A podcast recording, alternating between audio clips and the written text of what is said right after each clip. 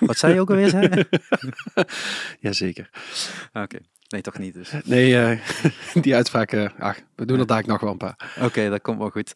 Dan zijn we ook meteen gewoon begonnen. De ding loopt, dus dat is goed. En dan zie ik die cijfertjes oplopen en denk ja, nou, de is aan het recorden. Want we zitten vandaag eh, in Venlo, in het hoofdkwartier van de PvdA in eh, Limburg. Ja, Die ik, zeker. eh, meteen op die manier kan introduceren. Ehm, en ehm, ja, hoe moet ik zeggen? Het is lekker weer buiten. En het is nu overdag, niet zoals gisteren. En het is eh, een iets andere energie. Eh, en die gaan we dadelijk eh, allemaal gebruiken om deze podcast te vullen. Want gisteren was het echt gewoon stressen bijna, want ik moet die voor de avondklok thuis zijn. Ik was tien minuten voor tijd thuis. Yes. Eh, dus het, dit gesprek is iets relaxer. Lekker een beetje mellow, een beetje rustig aan. Ja, daarom. Toch? Ehm, eh, vandaag eh, dus het PvdA. Gisteren hadden we Volt en vandaag is dus Jasper aan het woord. De nummer 22 van de lijst. Dat klopt. En ik zei volgens mij gisteren in de podcast al schijntje, er is een best kleine kans dat jij meteen de Tweede Kamer ingestemd wordt. Wij gaan eh, heel hard voor de voorkeurstemmen natuurlijk eh, Ja. vanuit Limburg. Dus eh, ja, dat is de inzet natuurlijk vanuit, vanuit het Limburgse moet ik zeggen. En Mhm.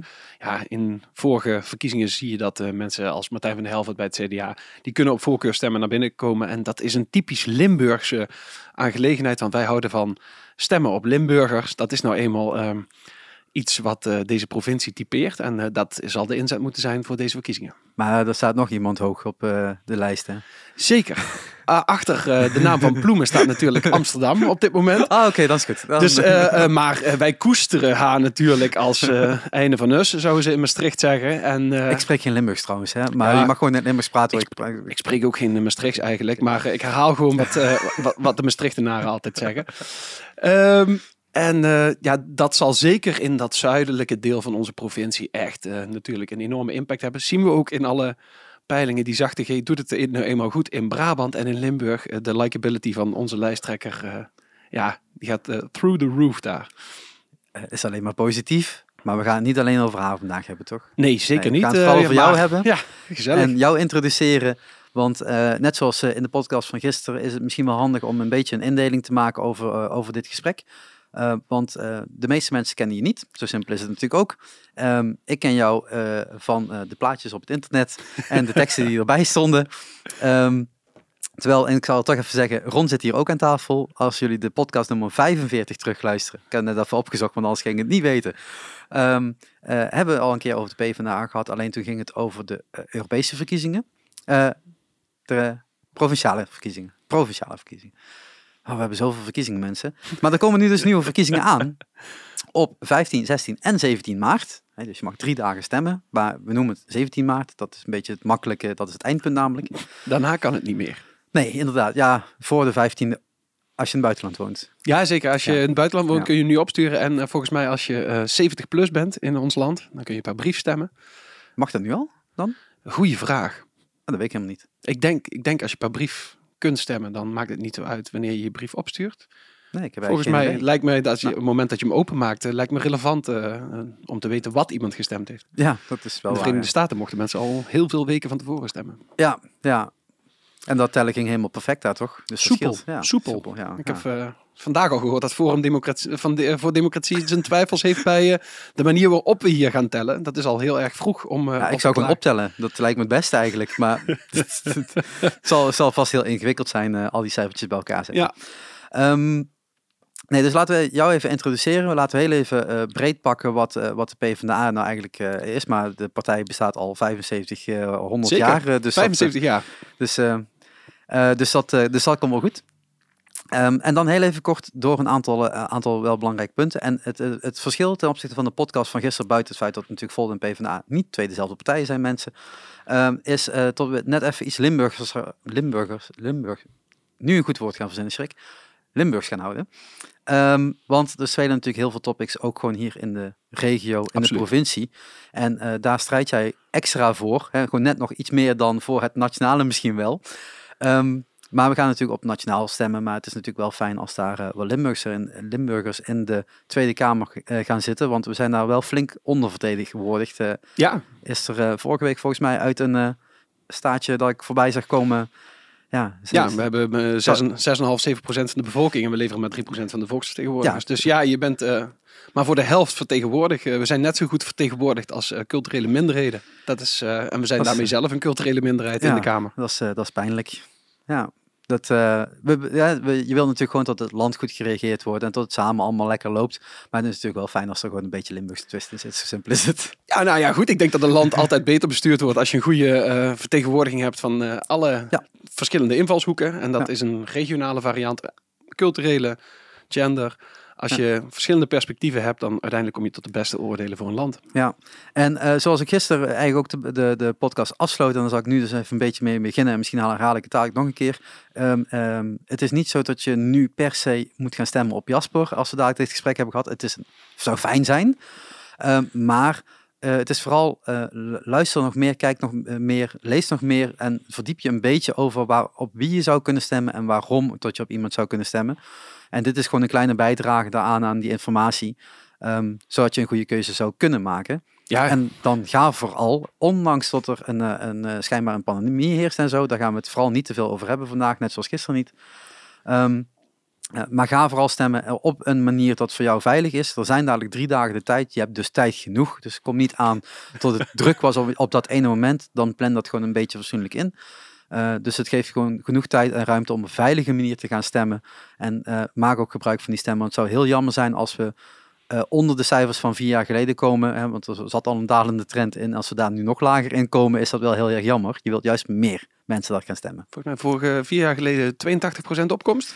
Ja, nou, dat is dus eh, Precies. 18% die niet is gekomen opdagen. Terwijl ik denk, Het was wel een historisch hoge opkomst. ja, ja.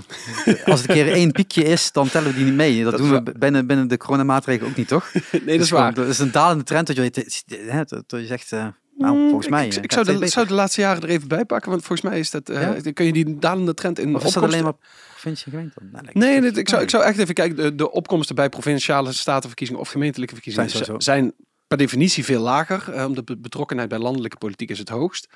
Eh, waarom? Weet ik niet per se. Eh, want op alle niveaus worden hele belangrijke beslissingen genomen. Maar ehm, ja, ehm, dus de trend is niet per se neerwaarts, zullen we maar zeggen. Qua opkomst dan, hè. Eh, Nou, Ron gaat gewoon factchecken volgens mij. yes.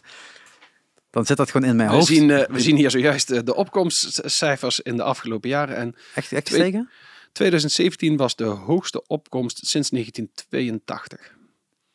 Dat is fijn. Dus, eh Dus daarmee nu mensen doorzetten. doorzetten. Dus doorzetten. Hou vol. Hou vol. En, we kunnen misschien nog wel die 88% uit 1977 bieden als iedereen hè, naar de stembus gaat. Liefst op mij stemt. Maar dat mag ook een willekeurige andere partij van eigen voorkeur zijn natuurlijk.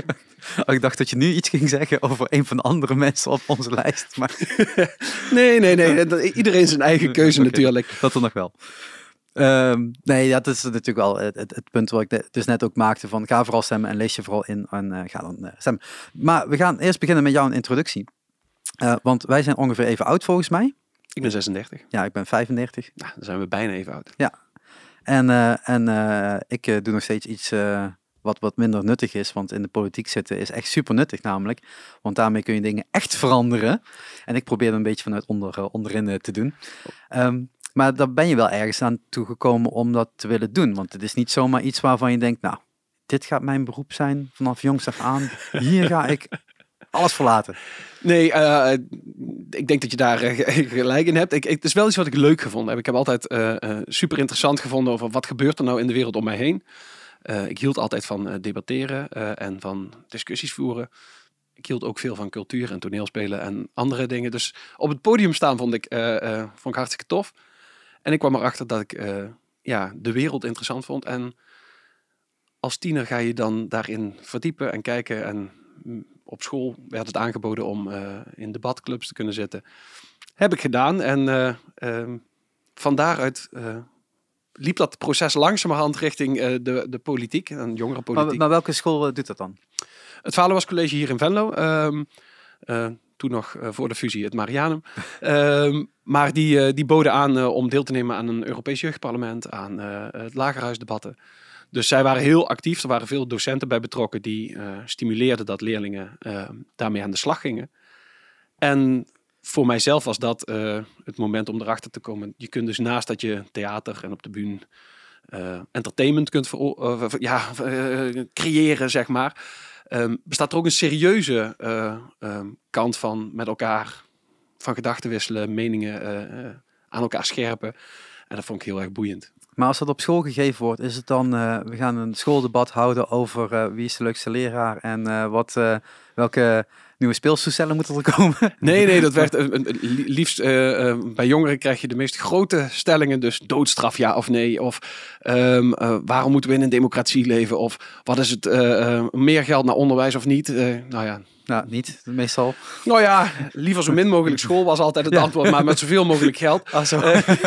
dus dat, dat, dat was. Uh, maar er waren hele mooie discussies. En het is met name dat je vaardigheden oefent, zoals je dat op school met alle vakken natuurlijk probeert te doen. Iedereen, je, je, krijgt wiskunde omdat je leert hoe je met cijfers om moet gaan. En je leert Nederlands om, om, om je taalvaardigheid te ontwikkelen.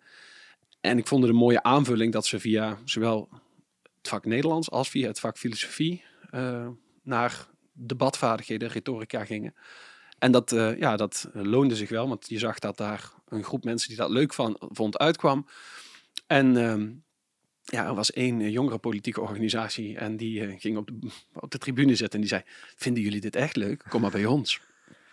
En zo was er een monopolie voor een bepaalde jeugdpartij die, die iedereen naar zich toe probeerde te trekken. Dat is echt gewoon zo'n scout op de tribune die, uh, die de jonge spelers uh, binnenhaalt. Ja, ja, het was heel makkelijk, want er was maar één voetbalclub. Dus, uh, dus, dus, dus ehm, ja, dat, dat, was wel opmerkelijk. en dat was de JOVD. En dan, en dan ben je opeens heel politiek. Ja, ja. Dat is dat, maar, want dan worden opeens de thema's dus wat, wat, wat minder narrow. Dat wordt er wat minder op dat schoolse gezet. En dan komt het echt zo van, oké, maar wat ja, toen, toen bleek er een wereld bestaan die politiek was. Want als je 16 bent, uh, of 5, 15 of 16, dan. Ik kom niet uit een politieke familie. Uh, bij ons thuis was er niet al een, uh, een beeld van. Eh, ja, die, die, die, kant moet je op. Ehm, mijn familie, ja, dit zijn allemaal echt van die typische Venlose Tegelse arbeidersfamilies. Ehm, veel kinderen, een eenvoudige baan in de fabriek en dus veel geld hadden ze niet. Dus dat was wel een perspectief wat je mee, meebrengt. Maar er was nooit iemand die zei, je moet op een bepaalde partij gaan stemmen of zoiets. En dat maakte ook dat ik een soort van blanco in de wereld van de politiek keek. En uh, dus ook in eerste instantie aanschoof bij een club als de JOVD, wat de jongeren van de VVD zijn. En daar ga je, ging je tussen zitten en je dacht, nou ja, dus hier gaan ze discussiëren met elkaar. Hier, hier, hier vindt politiek plaats. En er ontstond een, uh, een, aan de ene kant een, manier om te debatteren en je vaardigheden te slijpen. En aan de andere kant een bewustwording. Deze mensen vinden niet wat ik vind. ik ben de ultra, ultra linkerflank van deze partij. Of ik zit hier verkeerd. En dat duurde ongeveer drie kwart jaar. Ik denk, ja, zoiets. Toen ik uh, één keer naar een congres geweest was van de jongeren van de VVD. Waar ik hele jonge jongens in driedelig pak zag staan. Uh, die uh, met een dermate dédain over mensen die werkzoekend waren praten, dat ik dacht, maar wacht even, ik moet hier heel snel weg. Uh, of in ieder geval op zoek naar een partij met mensen die dezelfde idealen heeft als ik. En dat was eigenlijk het moment dat ik me voor het eerst echt ging oriënteren. Welke andere partijen zijn er dan? En hoe kunnen we dan zorgen dat er ook jongeren zijn die aan die kant hier in Venlo iets aan te bieden hebben? En uh, toen hebben we met een aantal mensen, die richten hier die jonge socialisten op van de Partij van de Arbeid. Maar je zegt net al, dan zit je dus bij de, bij de VVD. Dan doe je die deur daar open en dan denk je, ja, ik voel me hier al eigenlijk niet meer thuis. Ja, in ieder geval, maar, die mensen waren allemaal dat waren aardige ja, nee, mensen. Ja, maar, sowieso, maar, maar de, de ideeën die daaruit kwamen, dat waren niet mijn ideeën. Maar dat is wel zo'n realisatiemoment dat je denkt van oké, okay, van, van ik, ik, ik voel me toch anders dan, of of mijn gedachten zijn anders dan wat ik hier eigenlijk voor me geschoteld krijg. En dan switch je eigenlijk om naar van, maar dan ga ik het zelf oprichten hier, want het is hier dus blijkbaar nog niet. Ja, het, en het, het, mooie was dat er waren een aantal andere jongen die daar al mee bezig waren hier in Venlo. En ik, het, mooie aan dat proces is, wat ik uh, gezien heb bij heel veel uh, tieners, die uh, zoekende waren naar hun politieke ideologie. Waar hoor ik dan thuis en bij welke visie pas ik dan? Um, wij richten, dat was een groep die toen de jonge socialisten oprichtte. En degene die toen voorzitter werd, die zit nu als wethouder voor de SP in, de, in het Venlose College. En dus degene die secretaris was, die ging voor het CDA uiteindelijk naar provinciale staten. Het waren wel mensen die geïnteresseerd waren in politiek en de wereld wilden veranderen. Maar om nou duidelijk te krijgen ehm, welke stroming of welke idealen precies bij jou passen en welke politieke partij daarbij hoort. Ja, dat is echt iets wat bij tieners zich nog moet vormen. En ik vind het ook echt dat we met name jonge politici en jongeren die interesse hebben in de samenleving en de maatschappij ook vooral de kans moeten geven om ergens vol enthousiasme in te gaan en er dan achter te komen. Ah, dit is het echt helemaal niet. Ik moet wat anders gaan doen. Of ik moet bij een andere club om die verandering in de samenleving te creëren die ik ja, wil leveren. Ja, maar dat eerste platform om het überhaupt te leren en te zien dat het bestaat, dat is natuurlijk gewoon, de, dat moet het begin zijn. En vanuit daar kom, kom, je wel inderdaad op een andere plek als je dan meer over wilt weten. En sommigen haken af, ook helemaal prima. En anderen die zeggen van ja, ik ga me hier vol voor. En ik wil het enige doel wat ik heb is minister-president worden. Ik weet niet hoe ik er kom, maar dat, dat is het doel. Ja, maar ik, wat ik mooi vind is dat dat aangeboden werd op een middelbare school. Ja. Uh, en daarmee voor iedereen die op die school zit toegankelijk is.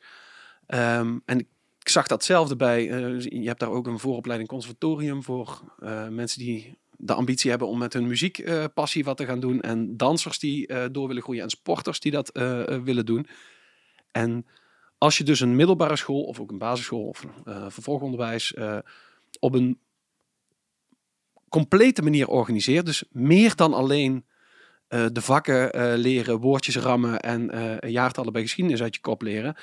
Um, dan bied je iets aan mensen waar ze in de rest van hun leven enorm veel profijt van kunnen hebben. En wat ook ervoor zorgt dat iedereen een eerlijke kans krijgt. En dat is voor mij uh, vanuit het perspectief van de Partij van de Arbeid een enorm belangrijk uitgangspunt. Ja, ik ben in mijn, hoofd uh, uh, bezig met welk vak hadden wij vroeger ook alweer. Maar er is helemaal geen vak geweest met van dit zijn de politieke partijen. Dus dat een beetje dat valt onder dat. Ja, maatschappijleer maatscha heeft... maatschappijleer een beetje, maar dat was niet echt dat die zeiden van dit zijn echt stromingen en hier kun je over nadenken. Was meer zo van dit bestaat klaar en dan naar het ja, volgende pagina. Je moest het uit je hoofd leren. Ja. Dat, dat, herinnerde ik mezelf ook. En um, pas door het te ervaren, dan wordt het um, tastbaar. En ik denk dat dat voor veel uh, onderdelen in het onderwijs op dit moment geldt. Je kunt de theorie wel naar je toegeschoven krijgen. Maar als je niet ervaart wat het is, mhm. eh, als een docent je niet meeneemt in wat nou het nut en de noodzaak is van wat jij aan het doen bent, of de schoonheid of de, de, de, de inspiratie, mhm. ja, dan, dan ga je een vak of een, een bepaalde uh, kwaliteit nooit ontwikkelen of waarderen. Ik, ik zie dat, ik heb zelf altijd uh, veel gehad met geschiedenis, omdat ik het gewoon toffe verhalen vond, die, die, die verteld moesten worden. Maar de kwaliteit van een goede leraar betekent zoveel voor je interesse voor een bepaald vak en voor, um, ja, voor de wens om daar meer van te weten en je daarin te verdiepen. En ik geloof dat dat ook mogelijk is bij beta-vakken. Uh, en, maar daar lagen nooit mijn competenties. Uh, en ik had ook niet de leraar die bij mij het, het, het, spanningsveld kon creëren om te denken van, ah, wat als die ellips nu eens anders zou zijn gelopen? Nou, ik geen idee. Uh, zal wel zijn, dit moet ik invullen en dan heb ik een tien, toch? Ja. Dan noemen we dat invullen. Ja, dus, en, en, ja, ja dat. En, maar, maar ik zie juist ook, ik, ik, had vrienden die, die wiskunde fantastisch vonden. Die zijn wiskunde gaan studeren daarna. Wat ik, ah, fascinerend vond. Want ik dacht, die cijfers, die cijfers gaan nooit tegen je terugpraten. Um, en dat is wel leuk, die, die zijn dan nu weer leraar op datzelfde Vaderwascollege. Maar om te zien dat mensen andere interesses hebben en die kunnen ontwikkelen. En daar is een school zo'n prachtig, uh, ja, prachtig podium voor. En dat is ook de reden waarom dat ik zeg, laten we nu op dit moment ook investeren in dat onderwijs. Zowel in de basisschool, waar je uh, aan kwaliteit nog veel te winnen hebt. Waar je ook uh, ziet dat de leraren nog uh, salarissen hebben die echt achterblijven bij het voortgezet onderwijs. Terwijl je echt kwaliteit wil bieden over de volle linie. Ja, en ik zou echt zeggen van, ik ben ook heel blij dat mijn eigen partij inmiddels terug is gekomen op het idee dat we een sociaal leenstelsel moeten hebben. Maar dat gewoon iedereen weer moet kunnen studeren met een basisbeurs. En dat we meer naar dat Scandinavische model toe gaan, waarin gewoon leren en kansen grijpen gewoon gratis is. En ook toegankelijk voor iedereen. En dat, dat is een kernwaarde waar ik ja, van hoop dat we nog jaren profijt van gaan hebben. Ja, um, ik, ik, ik hoor hier al een beetje die campagne erin hoor. Het is geen aanval op jou, maar ik, ik, ik moet meer sturen. Nee, het uh, um, uh, want daar wil ik wel op inhaken. Want we gaan daar echt wel terug even naar, naar hoe jij je ont, uh, ontwikkeld hebt daarin, vanuit, vanuit die schoolkant. Uh, maar wat jij nu zegt, dat dat leren, dat vinden we natuurlijk al jaren in Nederland heel belangrijk. We, we willen tot een, een, een, kenniseconomie zijn en we moeten daar uh, vooral uh, inzetten. Maar we maken het eigenlijk alleen maar steeds moeilijker. Drie jaar geleden, nee, inmiddels vijf jaar geleden, zo. Um, wilde ik terug naar school. En ik kreeg gewoon van een duo te horen, ja, je bent te oud. Je krijgt geen geld. Ja. Ik dan, wat de hel? Ik heb nooit gestudeerd. Ik heb namelijk een bolopleiding of een BBL-opleiding gedaan. Dus ik heb eigenlijk vanaf mijn zeventiende gewerkt. En ik kreeg daar school bij. En daarmee heb ik een diploma gehaald. Dus ik heb nooit uh, hoeven te lenen, want daar was ik jong voor. Ik kreeg geen OV, want ik was te jong. En ik had werk en allemaal van dat soort geintjes. Dan ga je uh, uh, jarenlang, tien jaar lang werken. En op een gegeven moment kom je, op je in je punt op je, van je leven ja, ik wil, gaan, ik wil iets anders gaan doen. Ik moet iets anders gaan doen. Ik vind mijn, nu belangrijk in mijn leven om iets anders te gaan doen. En dan klop je aan en zegt eigenlijk de staat, ja nee, dat is nu, jouw leeftijd is nu verkeerd. Dus ik denk, ja maar als je nu zegt eigenlijk, iedereen die begint met studeren, hier is een pakje geld. Als je dat nou op je zeventiende inzet of op je 35ste inzet, maakt eigenlijk niet uit. Maar het staat klaar voor je en beslis maar wanneer jij er klaar voor bent en dan gaan we je helpen dat volgens mij doet bijna geen enkel werelddeel dat. Maar dat zei van, denk dat ik, ja, dat nou, zou best wel de optie zijn om dat ik, juist ik zou, ik zou zeggen Denemarken, want daar is dat dus wel zo. Uh, en beter gezegd, dan is het niet een potje geld wat voor je klaar staat, maar kun je gewoon de keuze maken als jij werkt om op een gegeven moment een beslissing te nemen dat je je wil omscholen en naar een andere discipline toe wil gaan. En dan kan dat. Ja. Um, het is natuurlijk niet de bedoeling dat we iedereen voor eeuwig in de schoolbank houden, absoluut niet. Maar juist om in een zeer snel veranderende samenleving, waarin het zomaar kan dat er een, hele sector uh, weggedigitaliseerd wordt, of um, dat er uh, economische omstandigheden zijn die enorme impact hebben op de samenleving. Kijk naar de crisis ja. waar we vandaag in zitten. En dat, dat moet gefaciliteerd worden, dat mensen dan kunnen kiezen en zeggen: ik maak in de komende jaren een overstap. En dat hoeft mij niet iets te kosten. Want uiteindelijk levert dit de samenleving wat op natuurlijk. En niet, uh, het, het, is heel vreemd dat je zegt van ja, maar jij moet investeren omdat het jou iets brengt. Terwijl um, we moeten durven kijken naar wat brengt het ons als samenleving, als gemeenschap. En dat is natuurlijk enorm veel. Als jij iets kunt gaan doen waar wij met z'n allen profijt van hebben, omdat je in een sector zit waar je geen bewegingsruimte meer in hebt of waar geen kansen meer in zitten. Ja, waar, wat houd, waarom houden we onszelf als samenleving tegen? Omdat weer af te schuiven op het individu.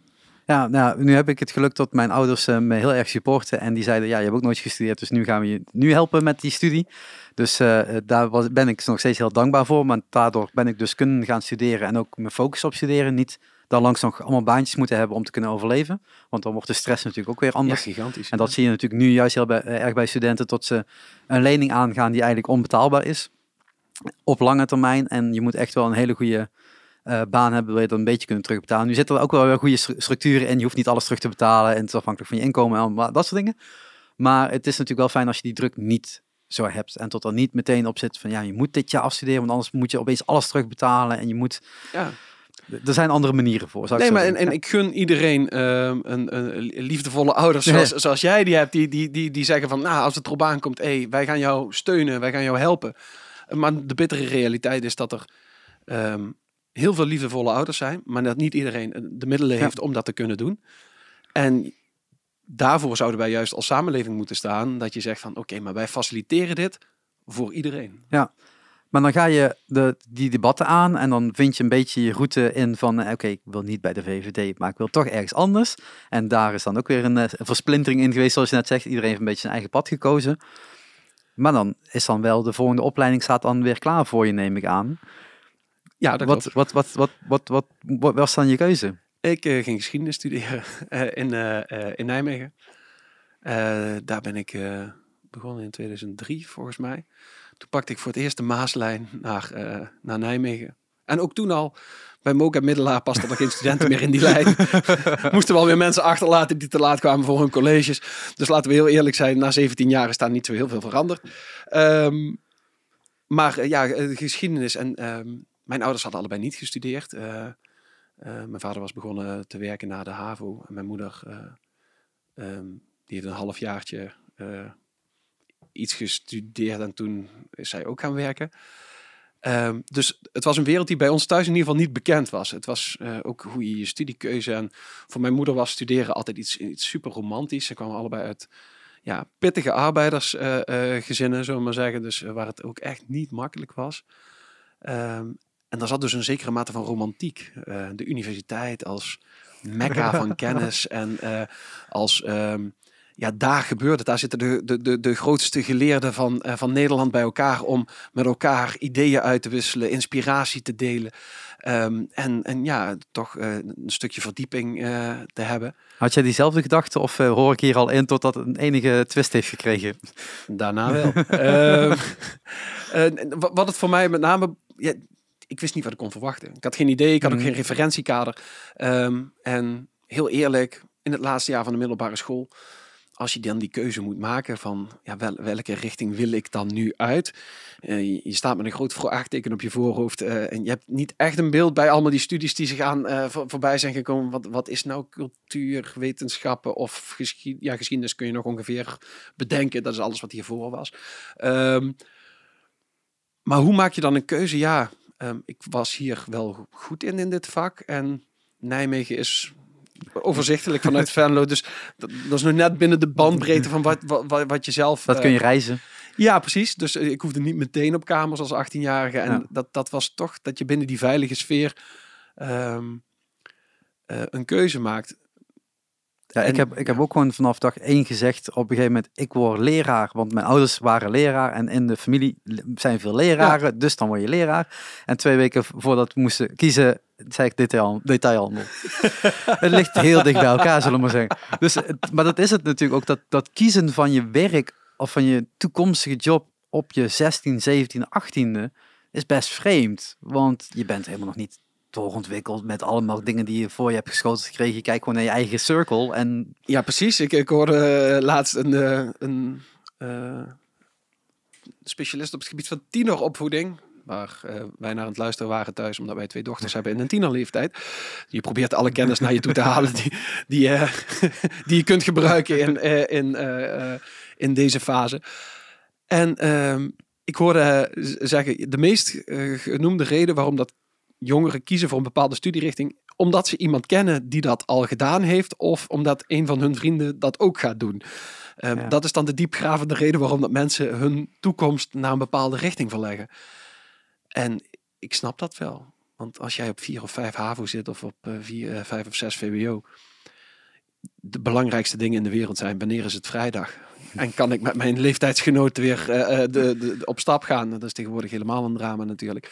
Maar je bent bezig met je onderlinge verhoudingen. Mhm. Met hoe, hoe, hoe, ontwikkel jij jezelf en hoe verhoud je je als individu los van je ouders tot de rest van de wereld? Die hele studie zal je op dat moment, ja. ja. in ieder geval staat niet op keuze of focus naar punt nummer één. Nee, maar dan ga je wel geschiedenis kiezen. En dan blijf je ook nog travelen. Dus dat is gewoon iedere dag even die, uh, die, die trein instappen, tot rust komen en niet uh, je, je boeken erbij moeten hebben. ik weet niet of jij wel eens in de Maaslijn gezeten hebt, maar daar heeft niemand rust. Ik heb altijd zo'n koptelefoon op gehad. Ik was altijd van, van Reuven naar Roermond, dus dat was maar een heel klein stukje. Maar ik had mijn koptelefoon altijd op en dat was heerlijk rustig. Um, uh, maar, maar, ik hoef ook niet te studeren, dus dat scheelde. Maar, maar, maar dan kies je om, om, om, om dat te gaan doen. En uh, hoe lang duurt dan zo'n opleiding? In mijn geval heel lang. Uh, ja. ik uh, ben na twee jaar heb ik een switch gemaakt. ben ik naar Amsterdam gegaan, naar de filmacademie. ben ik daar productie gaan doen. Dat was een hartstikke mooie anderhalf jaar.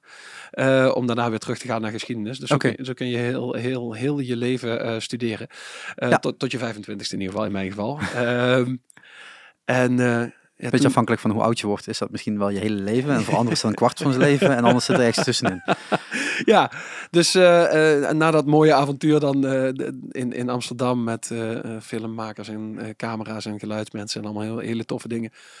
Um, kwam ik op mijn 25ste in een situatie, en toen zat ik al wat langer ook hier in de lokale politiek, maar toen kwamen we bij elkaar met een groep vrienden en wilden we een bedrijfje beginnen. En ja, dat was een fantastisch avontuur ook weer, waar je met z'n allen, uh, we gingen het muziekonderwijs uh, uh, verbeteren en digitaliseren. En we hebben hele grote green, green screen studio's gebouwd en filmscripts en 25-delige videoseries gebouwd in twee jaar tijd. En dat vrat alle energie op waardoor ik vergat af te studeren. Um, maar, uh, ja, jullie mensen kunnen je niet zien, maar ik haal mijn schouders op en denk, ja, afstuderen is maar, ja. Is, is, uh, is, is een manier, het hoeft niet per ehm, se. Ik, Kan. eh, ik adviseer iedereen om het wel te doen. Al is het maar omdat je daarna heel lang afbetaalt aan, eh, aan die kosten voor die studie. Ja, dat- dat voordeel had ik, dat ik dat niet hoefde te doen. Ik ben inderdaad bewust niet afge, eh, afgestudeerd namelijk. Ja, maar- maar daardoor, ehm, ehm, door zelf de verantwoordelijkheid te krijgen over hoe, hoe werkt dan een bedrijf, hoe, Mhm. hoe, hoe zet je alles in elkaar, hoe ga je mee aan de slag, ja, kreeg je heel veel vrijheid eh, en eh, ook heel veel uitdagingen. En eh, leverde je een prachtig product op en kwam je erachter dat je nooit marketing gestudeerd had. En en da- dat je het product wel weggezet kreeg in een bepaalde regio en daarna weer niet. En ondertussen had ik ook de ruimte om mijn politiek verder te ontwikkelen. En ja, waren er heel veel zaken die naast elkaar eh, ehm, dynamiek gaven. Ik speelde heel veel theater op dat moment. Ik, eh, eh, ik stond zelf ook veel eh, op de bühne. Dus daarmee ha- hadden we, of had ik in mijn leven heel veel verschillende zaken waar ik heel enthousiast van werd en waar ik heel creatief mee aan de slag kon. Maar je zegt al, dan doe je dus eigenlijk een studie, dan heb je je eigen bedrijf, Ja. dan ben je nog je, je, je passies aan het invullen en daarlangs staat er nog zo'n kopje politiek, eh, dat, dat dat wel ergens een, een, een plek moet krijgen in dat geheel. Ehm, dan voelt het voor mij dat jij zegt van nou, ik heb niet eigenlijk meteen een keuze gemaakt, ik wil de politiek in. Nee, het was dat- meer van, ik wil eerst leven. Absoluut. Ik, ik denk dat ik eh, ergens rond mijn achttiende, eh, toen ik van de middelbare school afkwam en ging studeren en in echt een nieuwe fase van je leven terechtkomt. En, eh, vanaf dat moment moet je ja, het grotendeel zelf eh, rooien en Mm. eh, moet je ontdekken hoe dat is om met je eigen geld om te gaan. En aan het eind van de maand toch echt... De maand duurt te lang. ja, hoe gaan we dit dan met z'n allen oplossen? En erachter te komen dat de kamers in Amsterdam ongelooflijk duur zijn. Je mag vloeken in de podcast hoor. Ah, ik, dat is ha- hartstikke. nou ja, goed. Ik denk dat iedereen die ooit gehuurd heeft in Amsterdam durft te vloeken bij de prijzen die je daar betaalt. Ehm, dus dat, dat is een proces wat persoonlijke ontwikkeling is. En dat Ja. is los van eh, carrière of hobby's of eh, passies. En ik geloof dat we daar in de samenleving ook wel heel vaak aan voorbij gaan. Hoe persoonlijke ontwikkeling ook zijn eigen proces en dynamiek moet kunnen hebben. Ehm, en dat niet alleen resultaten en cijfers of eh, prestaties de maatstaaf moeten zijn waarin we elkaar ja, beoordelen. Want ik zie dat met name als je naar tieners kijkt. Ik vind dat er heel veel focus ligt op hoe presteren ze op school. Hoe Mhm. doen ze het eh, bij eh, andere eh, eh, op de muziek of bij, bij de voetbalclub of weet ik veel waar. Terwijl als tiener moet je met name zorgen dat die hersenreorganisatie die plaatsvindt eh, in, in die puberteit, dat dat brein, eh, de manier waarop het zich ontwikkelt, dat je daar een beetje lekker doorheen komt. Zonder dat je in een depressie zit of met een eetstoornis of eh, aan de rafelranden van de maatschappij terecht bent gekomen, omdat je niet wist hoe je daarmee om moet gaan. Dus ja, ik vind dat we daar ook als samenleving, ook naar die menselijke aspecten die er zijn, dat we daar veel meer naar kunnen kijken. Ja, ze vergeten ook vaak dat vak te geven op school. Dus eh, we leren inderdaad allemaal van die standaard vakken. Ja. Behalve hoe kun je hoe, Leven. leven. Wat, wat is dat? Weet je? Wat houdt dat in? En hoe kun je überhaupt een agenda plannen? Dat weten de meesten ook nog steeds niet. Toch Ja, denk, dat zijn allemaal van die basisdingetjes. zijn best handige tools om te weten als je op een gegeven moment wat verder komt. Ja, Want dan krijg je ook ruimte in. Ja, als je ruimte maakt in je agenda, krijg je ook ruimte in je leven om na te denken over dingen. Ja, precies. En, en, en dan, dan nog de vraag of je een tiener die, eh, waarin het eh, planningsdeel van het brein Ja. zich echt aan het ontwikkelen is in die periode, in hoeverre die, je die kunt vragen om dat al goed Ja, te doen. ja. Je kunt wel tools bieden om dat te ontwikkelen, maar eh, je hoeft het niet van ze te verwachten. Net zo min als, ik hoorde een fantastische, ik kreeg allemaal uitleg, eh, hoe de tiener functioneert eh, recent dus.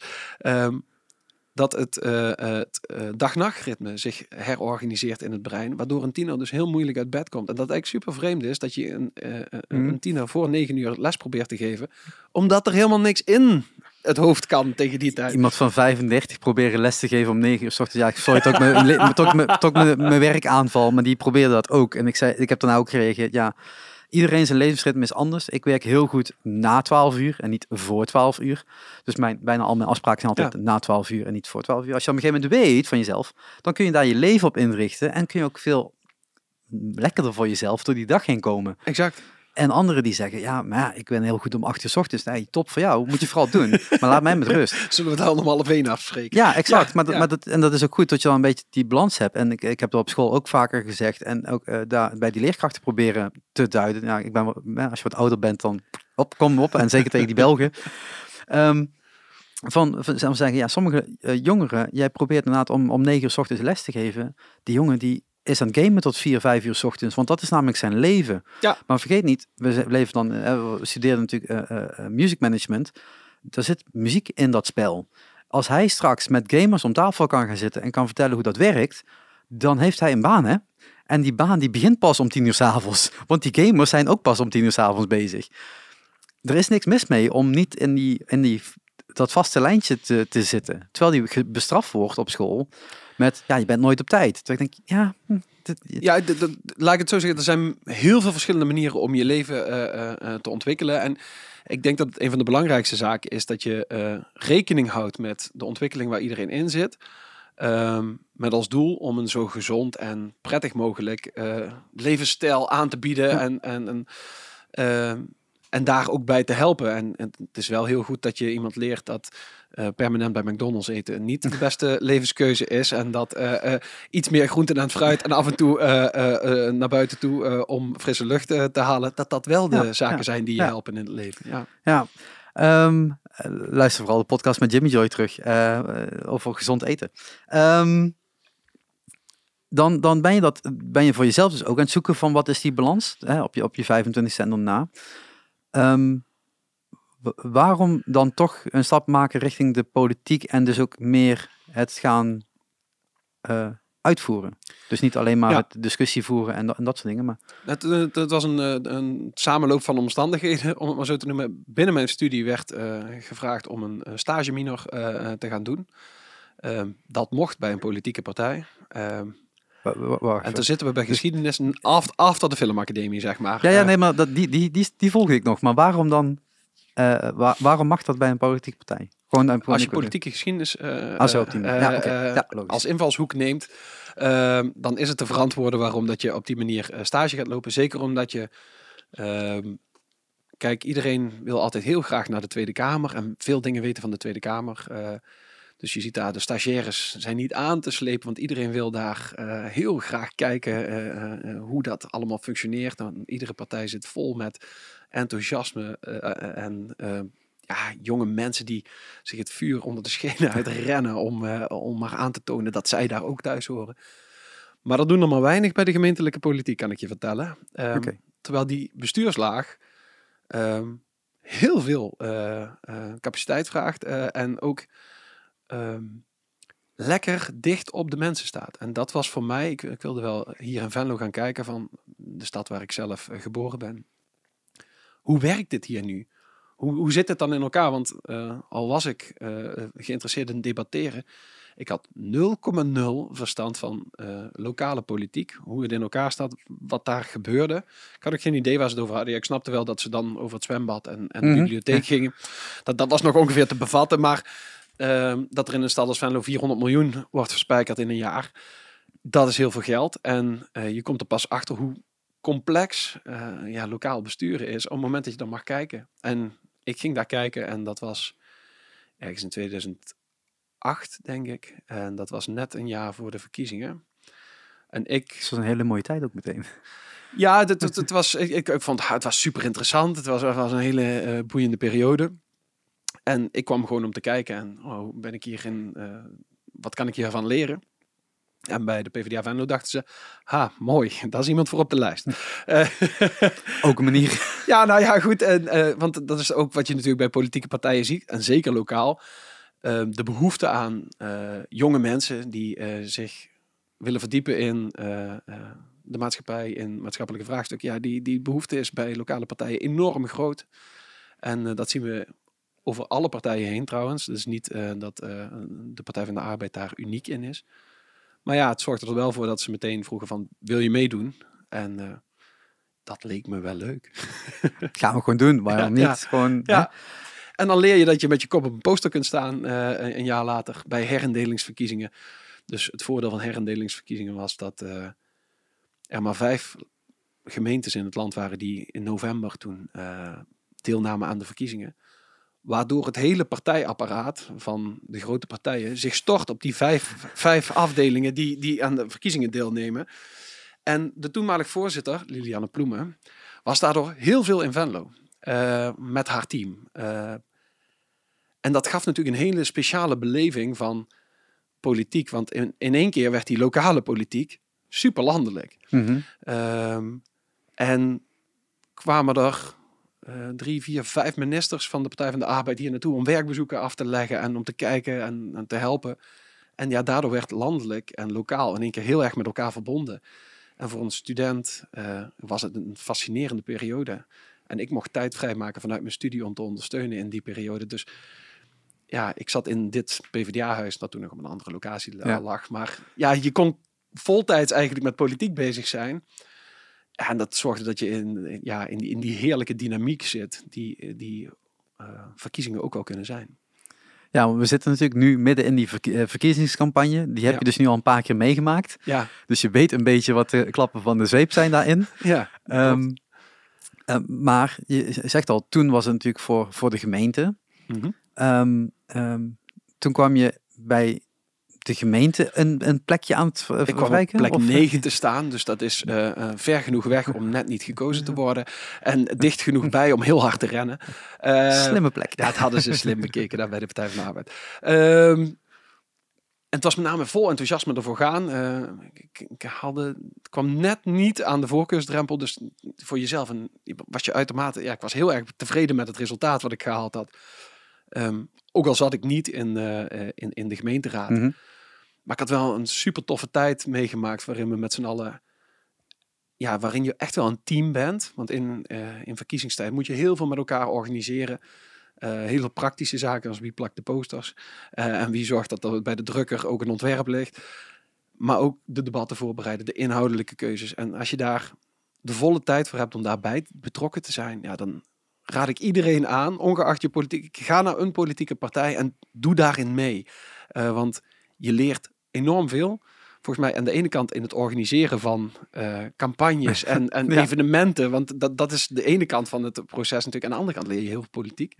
Maar het is, en, en beide kanten is het heel erg eh, boeiend en fascinerend. Maar dan heb je het zo, eh, zo, van dichtbij meegemaakt. Dan eh, ben je ondertussen die studie aan het proberen af te ronden. Ja, Ehm, eh, wat is dan de volgende stap dan in, in die tijdlijn? Want dan heb je daar eigenlijk al een beetje aan geproefd. Ja. En je hebt ook nog ergens dat geschiedenisbagage op je, ja, ja. op ja, je rug die- dragen. Die, eh, eh, ja, dat jaar daarna, dus dan ben je niet gekozen. Ehm, dat was een soort van, eh 2010 is dat, het, het jaar dat ik ehm 80 of 90 theatervoorstellingen speelde eh, eh, op de bühne. Dus ik had heel Een veel beetje- te doen. Beetje afleiding. Ja, ja, een beetje afleiding. Dus eh, dat was ook een heel goed excuus om op een gegeven moment te zeggen... ja, ik zit zo vol en die studie, ik krijg het niet allemaal gebolwerkt. En daaruit voortkwam toen dat bedrijfje dat we aan het oprichten waren. Dus dat zorgde ervoor dat er een soort van punt... ik word serieus in het leven ging ontstaan. En dat ik ook een bewuste keuze maakte van... oké, nadat ik allemaal die optredens had gedaan... ehm, ik ben klaar met theaterspelen. Dus ik, ik had zoveel gespeeld als amateur. eh, eh, ook in, met de grootste hoeveelheid publiek eh, die je hier in de regio kunt hebben. Ehm, nu moet ik serieus worden in het leven. Ik, ik, ik wil op mijn eigen benen staan. Ik wil, ben 25. eh, eh, ik, ik wil geld gaan verdienen en een eigen huis hebben. En alles voor mezelf kunnen organiseren. En daar ben ik in 2010 toen eh, eh, mee begonnen. Ja, maar dan, dan, dan probeer je dat. Dan ga je dat doen met alle passie die je hebt.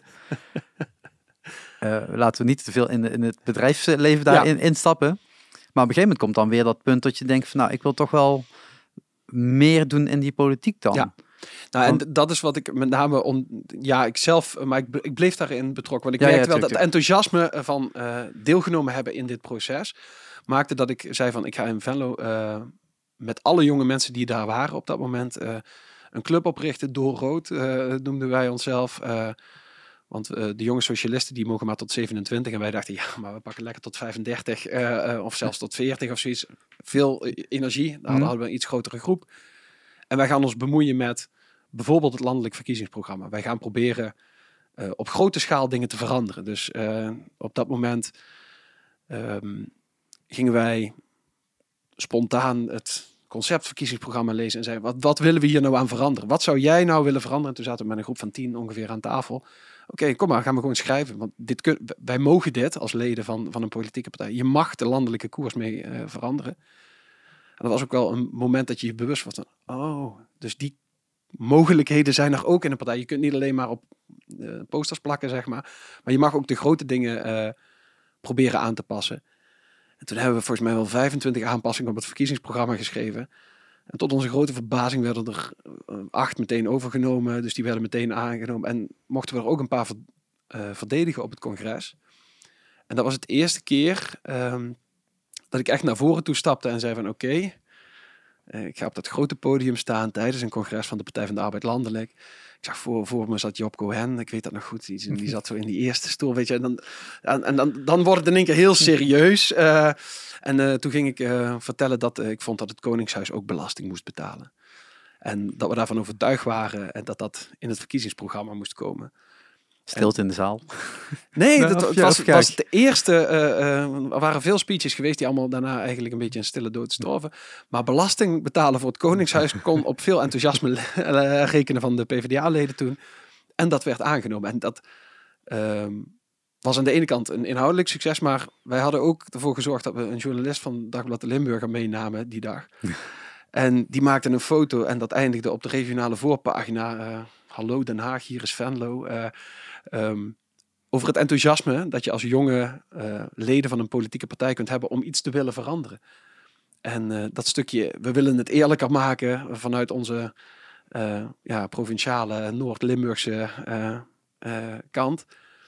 En je kunt ook meedoen. Ja, dat, dat was een besef, dat, dat was fantastisch. En toen daarna provinciale statenverkiezingen eraan gingen komen, dacht ik, ja, dan moet het wel overal leuk zijn in de politiek. Dan ga ik ook naar de provincie toe. Want dan krijg je dus eigenlijk het, het, het, de, de dynamiek die je net noemt. Het feit dat je er al een keer aan, aan geproefd hebt. Het feit dat je dus eigenlijk ziet dat je ook echt dingen mee kan maken, mee creëren, mee kan schrijven. Um, en dan is de stap dus, ja, maar dan gaan we het ook, ook uitvoeren ook. Hè? Dus de, ja. de, het feit dat je dus de provinciaal uh, aanpakt. Provinciaal is natuurlijk ook iets wat... Um, um, waar we natuurlijk ook hiervoor zitten, zou ik het zo zeggen. Hè? Het, het, het, Limburgse, dat zit, zit in je DNA, in je bloed. Ja. Dat, dat, dat, dat spat er ook van af. Maar dan ga je de Limburgers vertellen dat Limburg zou kunnen veranderen. Ja. In plaats van heel Nederland gaan vertellen dat, hey, Limburg is er ook nog. Ja. Ja, je, je gaat met name um, eerst een traject van interne uh, selectie in. En, maar je bent niet meteen verkozen? Nee. Oh, maar dus, stond op de voorpagina. Was dat niet genoeg? Zo van, dit is mijn cv. Nou, het was wel uh, um, het visitekaartje waarmee ik uh, uh, door de kandidaatstellingscommissie op plaats 5 werd gezet. Maar ook voor het eerst dat mijn afdeling, de Venloze afdeling, zei... Ja, maar jij moet eigenlijk nog een plaats hoger. En dat ik dacht van, oké, okay, kan dat dan ook? dus in een ledendemocratie kun je dan met elkaar zeggen... Ja, we gaan proberen toch een stapje hoger te komen. Want er zaten mensen die al heel lang in PS zaten, in de Provinciale Staten... En toen hebben we dat geprobeerd om een stapje hoger te komen op die lijst. En dat was voor mij voor het eerst dat ik interne partijdemocratie heb ervaren. Want toen mochten we nog per afdeling stemmen. Iedere stem, afdeling had zijn eigen hoeveelheid stemmen. En we wonnen met 24 tegen 22. Dat, dat is ruim, ruim genoeg. dat is met de hak over de sloot. Maar precies genoeg om die verandering te realiseren. En dat je dus ook zag van oké, okay, van kerkraden tot aan Moga Middelaar iedere afdeling doet mee en uh, heeft zijn eigen uh, visie en inspraak. En die conflict, conflicteren wel eens met elkaar. Uh, en dan moet je dus ook deals met elkaar samenwerken om, te, om bepaalde veranderingen te realiseren.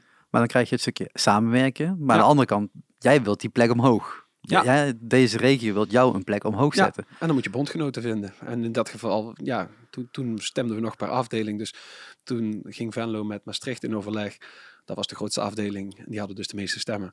Uh, om te kijken of we dat met elkaar. Uh, uh, of, of, we daar, of zij hetzelfde zagen in mij als dat de Venloze afdeling. Want ja, voor je eigen parochie preken is nooit zo heel moeilijk. Mm. Maar en da daar, daar, zij zagen ook van ja, verjonging is belangrijk. Zie je toch in een studentenstad een, een afdeling die meer gericht is mm. op um, jeugd en diversiteit. En die vonden dat belangrijk en die hebben ervoor gezorgd dat ik toen die plek omhoog ben gekomen. En toen uh, net niet gekozen ben. Want dat, want dat is ook de realiteit geworden. Dus het maakt niet zoveel uitgemaakt als het nou drie of vier ja, was wel, het maakte uiteindelijk precies, ja. precies dat verschil ja. uit. Namelijk dat een jaar later, toen we Tweede Kamerverkiezingen hadden... en er een van de uh, PvdA'ers die in de uh, Provinciale Staten zat doorschoof naar de Tweede Kamer... Ah, zo. dat er een plekje voor mij vrij kwam. Maar dat werkt natuurlijk ook op die manier. Hè?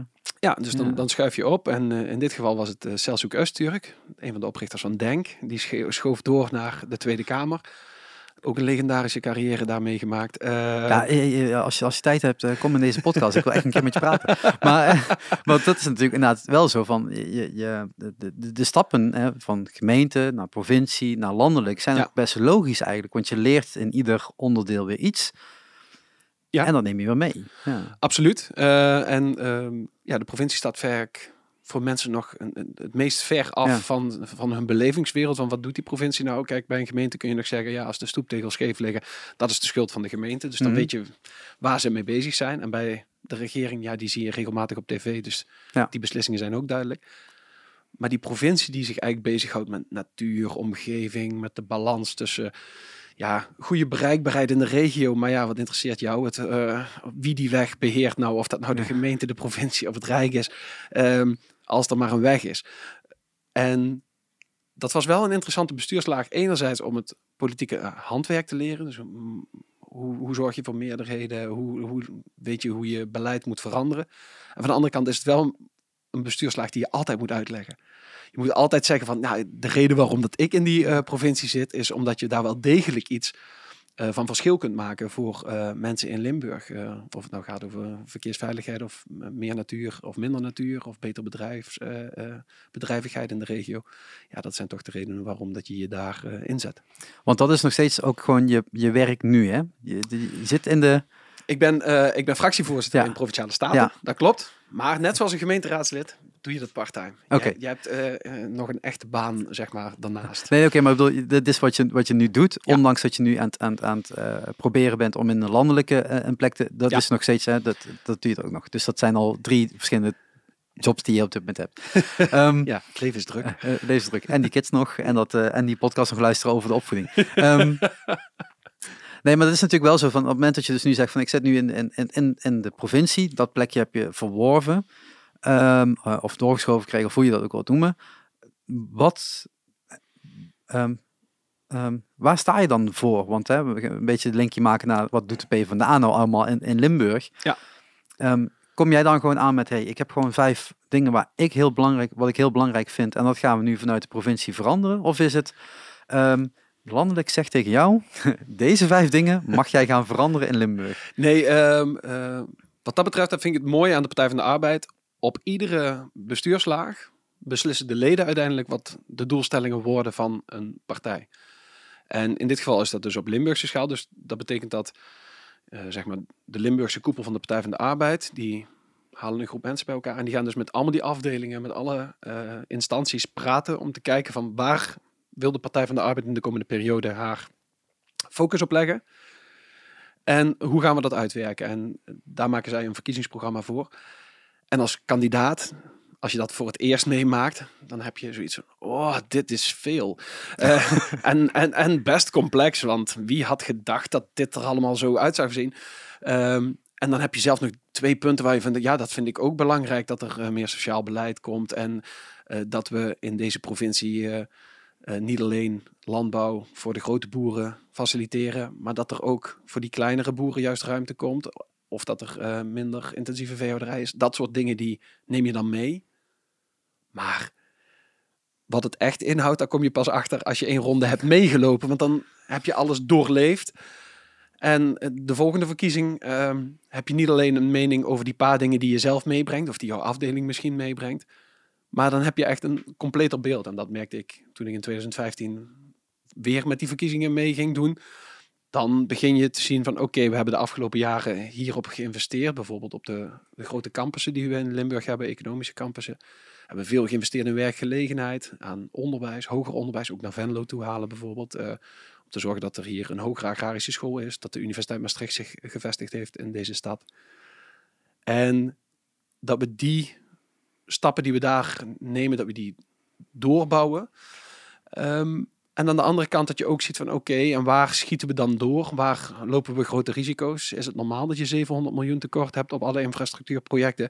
Of moeten we daar eh, eens een keer eh, eh, serieus met elkaar een discussie over voeren? Dat maakt de meeste mensen buiten helemaal niks uit. Maar het is wel de praktijk waar je je als politicus toe moet verhouden. En dan leer je dus dat er idealen zijn die je op grote lijnen met de samenleving deelt en waarop basis van, van mensen jou kiezen. Dus uh, ja, wij zijn voor meer natuur en voor schonere omgeving en voor uh, meer sociaal beleid en minder individualisme. Nou, dat, dat zijn de redenen waarom dat mensen op de Partij van de Arbeid stemmen. En dan verwachten ze tegelijkertijd van mij dat ik heel strak controleer of die uh, snelweg die daar aangelegd wordt wel Binnen de begroting past. Binnen de begroting past, zodat er ook uiteindelijk nog geld overblijft voor dat sociale beleid bijvoorbeeld. Ja, maar dat is dan wel een heel, uh, heel moeilijk speelveld om dat ja, in de juiste balans te krijgen. Want dat, daar word jij weer op afgerekend, hè? jij als ja. partij in dit geval, uh, bij de volgende verkiezingen. En die verkiezingen kunnen of regionaal zijn, of provinciaal zijn, of landelijk zijn. Ja. Um, en dan uh, wordt gezegd, maar ja, hier, hier wordt er niks gedaan, of hier wordt juist wel wat gedaan, en dan krijg je daar weer stemmen op. Ja, ik durf wel de stelling aan dat um, landelijke politiek de meeste invloed heeft op alle verkiezingen. Dus als jouw partij het in Den Haag goed doet, eh, positief ervoor staat, dan heb je daar lokaal en uh, provinciaal profijt van. Uh, en vice versa. Um, dus ja, je wordt deels afgerekend op wat je gedaan hebt in de afgelopen vier jaar. Maar ik denk dat dat bij de provincie heel erg beperkt is. Die groep mensen, de meeste mensen stemmen op basis van idealen. En gaan ervan uit dat uh, de Partij van de Arbeid of GroenLinks of de SP of de VVD binnen diezelfde kaders handelt mm -hmm. op mhm. provinciaal niveau dan op landelijk niveau. Lokaal kan dat nog wel wat verschillen, want dan zijn individuen er misschien iets bekender. Ja, dan is die stoeptegel toch nog uh, verkeerd ge gelegd door die persoon heel ja, specifiek. Ja. En dan is het, uh, ja, dan... Ja, dus, en, dus het is, lokaal is het mogelijk om het verschil te maken als individu. Provinciaal is dat super moeilijk. Zelfs bij hele bekende provinciale politici is het nog moeilijk om door die trends van landelijke politiek heen te breken. En wat, wat waar, waar uh, in de afgelopen jaren dat je dan in de, in de, in de provincie een, een, een, plek hebt gehad, wat is dan een van de dingen waarvan je zegt, nou daar ben ik echt super trots op dat, er, dat ik dat heb kunnen of meehelpen, mee creëren uh, of uitvoeren. Of echt zo'n, daar is nu die deuk, de eerste deuk in ingeslagen, zeg maar, want daar, dat is nu echt veranderd. Ja, voor, voor mij zijn er twee, twee dossiers die, die heel dichtbij liggen, waarvan ik zeg van, nou oké, okay, dat, dat zijn er wel de punten waar ik gezien heb dat ik het verschil kan maken of dat je iets kunt realiseren of um, mogelijk kunt maken. En de eerste was um, in samenwerking met uh, het CDA, gemeenteraadslid uit Venlo, uh, Tom Verhaag. Langs de weg tussen Venlo en Velde um, waren meerdere aanrandingen geweest uh, van meisjes. dat is een onverlichte weg. Dat is heel, heel onveilig. dat bleek ook wel uit de incidenten die daar hadden plaatsgevonden. En hij had het in de gemeenteraad aan de orde gesteld. Maar het is een provinciale weg, dus, en ik had dat in de provincie aan de orde gesteld. Maar de provincie zei ja, maar verlichting is een gemeentelijke taak. En de gemeente zei ja, maar het is een provinciale weg. Dus, uh, En uiteindelijk uh, zagen we dus dat er mensen slachtoffer werden van het niet handelen van de overheid. En ben ik heel blij dat uh, wij in de provincie geld hebben vrij kunnen maken om iets te doen wat we normaal niet doen. Namelijk verlichting langs een provinciale weg neerzetten om sociale verkeersveiligheid uh, uh, te stimuleren. Dus niet het voorkomen van ongelukken, waar je normaal wel van zegt dat je daar uh, iets aan kunt doen, maar een weg verlichten, zodat er ook minder ja, slachtoffers vallen door sociale omstandigheden. Want een aanranding is een, meer een sociale factor dan een aanrijding met een auto. Zeg maar. ja, ja, ja. Um, dat was voor mij het eerste moment dat ik dacht van oké, okay, zo kun je iets heel lokaals aanpakken, maar op provinciale schaal, schaal doe je dat dan wel meteen voor tien andere wegen ook. Ja, ja, ja. ja. Dus, dus het was niet alleen het aanpakken van een weg hier in Venlo, maar voor mij was het dus, ah, doordat ik mijn lokale issue in samenwerking met een andere partij oppak, kan ik in de hele provincie het verschil maken. En dat was voor mij het eerste moment dat ik dacht, ah, dus op deze manier combineer je lokale problemen met regionale oplossingen. Dat was voor mij het eerste echte issue. En ja, het andere grote voorbeeld van mij is het grootste windmolenpark wat we hier in Venlo, uh, het grootste windmolenpark van Limburg, wat hier in Venlo wordt aangelegd. Dat was een uh, hele lastige beslissing, want ik kom uit Venlo, ik ben een Venlo's uh, provinciale statenlid. En als je bij jou in de omgeving een hele moeilijke beslissing gaat nemen, namelijk negen windmolens van 220 meter neer gaat zetten, dan vinden mensen dat niet tof. Nee? Als dat oh. bij hun in de achtertuin komt, dan voelen mensen zich daardoor geraakt. Sommige mensen worden onzeker gemaakt ook door door verhalen van het zou ongezond voor je kunnen zijn. Het, eh, je loopt veel risico. Het kan misschien wel negatieve geluidsstraling op je kinderen. Veel van die zaken kunnen worden ontkracht door de wetenschap. Maar dat hoeft niet te betekenen dat mensen het leuk vinden. Mhm. En sommige mensen vinden het ook gewoon lelijk. Kan ik me iets bij voorstellen als je een hele grote paal in je tuin kan, en je, kon- krijgt en je denkt, nou, waar heb ik dit aan verdiend? Ehm, dat je daarvoor gecompenseerd wil worden. En die druk werd op de lokale politici enorm eh, verhoogd door de samenleving zelf. Want die omgeving, eh, in dit geval de, rond de Poekend eh, en Blerik, daarvoor duizenden mensen waren boos. Want zij wilden dit niet. En die druk werd precies op jou neergelegd. En ik kwam in het onfortuinlijke situatie terecht dat de Partij van de Arbeid de beslissende stemmen ging geven. Hey. En ik was fractievoorzitter van die, van die club. Dus eh, om heel veel redenen eh, was het verhogen van die druk op ons. eh, ehm, ja, in hun ogen ja, opportun. En hier in Venlo had de Partij van de Arbeid verdeeld gestemd. Namelijk met vijf mensen tegen en met twee mensen voor het windmolenpark. Dus het was ook niet zo dat de lokale afdeling mij in dit geval geholpen heeft. Nee, dat, dat blijkt. En toen moest ik kiezen van, kies je voor idealen, duurzaamheid, eh, een, eh, een stap richting een, ja, tegen, tegen klimaatverandering. eh, kies je voor die grote keuzes of wend je je naar dat lokale, naar die weerstand die je in je eigen omgeving voelt. En hoe ga je dat dan doen? En in mijn fractie waren we met z'n vieren en er waren er twee voor en twee tegen. Of althans, er hadden er twee bezwaren en twee waren voorstander. En dat was het eerste en het grootste moment voor mij, waarin ik en als fractievoorzitter en als politicus een compromis moest zien te vinden van oké, gaan we nu voor of tegen stemmen en waarom? Met welke argumentatie? En toen heb ik voor mezelf, want van de ene kant wilde ik de bewoners graag tevreden stellen. Aan de andere kant wilde ik heel graag mijn idealen verwezenlijken. En toen heb ik een lijst opgesteld van welke maatregelen zou ik kunnen aanbieden aan die bewoners, zodat we toch windmolens mogelijk kunnen maken. Dus hebben we gekozen voor coöperatieve eh, windmolens, zodat er winst naar de naar de, naar de omwonenden kan gaan. We hebben ervoor gekozen om ehm, die mensen op een zo ruimhartig mogelijke eh, manier te compenseren. We hebben ervoor gezorgd dat de schade aan de natuur zo min mogelijk was. En dat alles bij elkaar zorgde ervoor dat wij voor die windmolens gestemd hebben. En dat was het meest intense proces wat ik eh, in de politiek heb meegemaakt, inclusief scheldkanonades en eh, boze en eh, intimiderende mails. Maar wel een beslissing waar ik volledig achter kon staan. En daarna ook naar iedere burger, of je nou voor of tegen was, zonder enige gêne durf uit te leggen. Wij waren voor die windmolens, omdat wij deze compensatie hebben afgedongen. En ik heb me de afgelopen vier jaar ook continu ingezet om te zorgen dat die compensatie ook, er ook komt. We hebben nog deze week nog contact gehad met die omwonenden. Want het proces van een overheid die zegt dat ze iets gaat doen en het dan niet doet, mijn god. Eh, verschrikkelijk. En ja, we vechten nog, eh, nog steeds met onze provinciale overheid om te zorgen dat die mensen ook de daadwerkelijke compensatie krijgen die ze verdienen. Dus het is een mooi bruggetje naar de landelijke. Want de landelijke moet het dan gewoon even geregelen, neem ik aan. Die moeten gewoon een eh, schatkistje opentrekken en zeggen van nou, hier is het gefixt en de, de rest komt later. Eh, nee, nee, nee, Dit, dit, dit, dit, dit moet. Eh, echt eh, heel Nee, dit, moet- provinciaal, dit moet je eh. provinciaal oplossen. De middelen moeten ook uit de provincie eh, eh, komen, want zij hebben ook de revenue van die windmolens ja. eh, naar zich eh, toegehaald. Ehm, wat voor mij belangrijk is, is dat we die spagaat waarin ik die inwoners zie zitten, tussen een overheid die zegt dat ze iets gaan doen, en om het dan ook daadwerkelijk Mhm. te krijgen, zij lopen tegen zo'n machine aan. En die, op een gegeven moment ligt er een contract voor, waar best wel vreemde clausules in zitten. eh, die- waar je van zou kunnen zeggen, nou, dat, dat klopt niet, dat moet anders. Maar omdat het apparaat inmiddels heeft besloten dat dit het gaat worden, is er geen verandering meer in te krijgen. En dat zien we nu bij de overheid op heel veel verschillende fronten. De Belastingdienst denkt dat er een eh, een uitstekend voorbeeld van is. Het staat nu eenmaal op papier, wij gaan dit dus niet meer veranderen. En dan moet je als politicus een hele lange adem hebben en heel veel toffe ondersteuners. Ik kijk even naar Ron. die, die continu bereid zijn om energie te pompen in vragen stellen, om aan de bal te blijven. En wat ik heel erg waardeer aan een Renske Leijt of een Pieter Omtzigt bijvoorbeeld in de Tweede Kamer.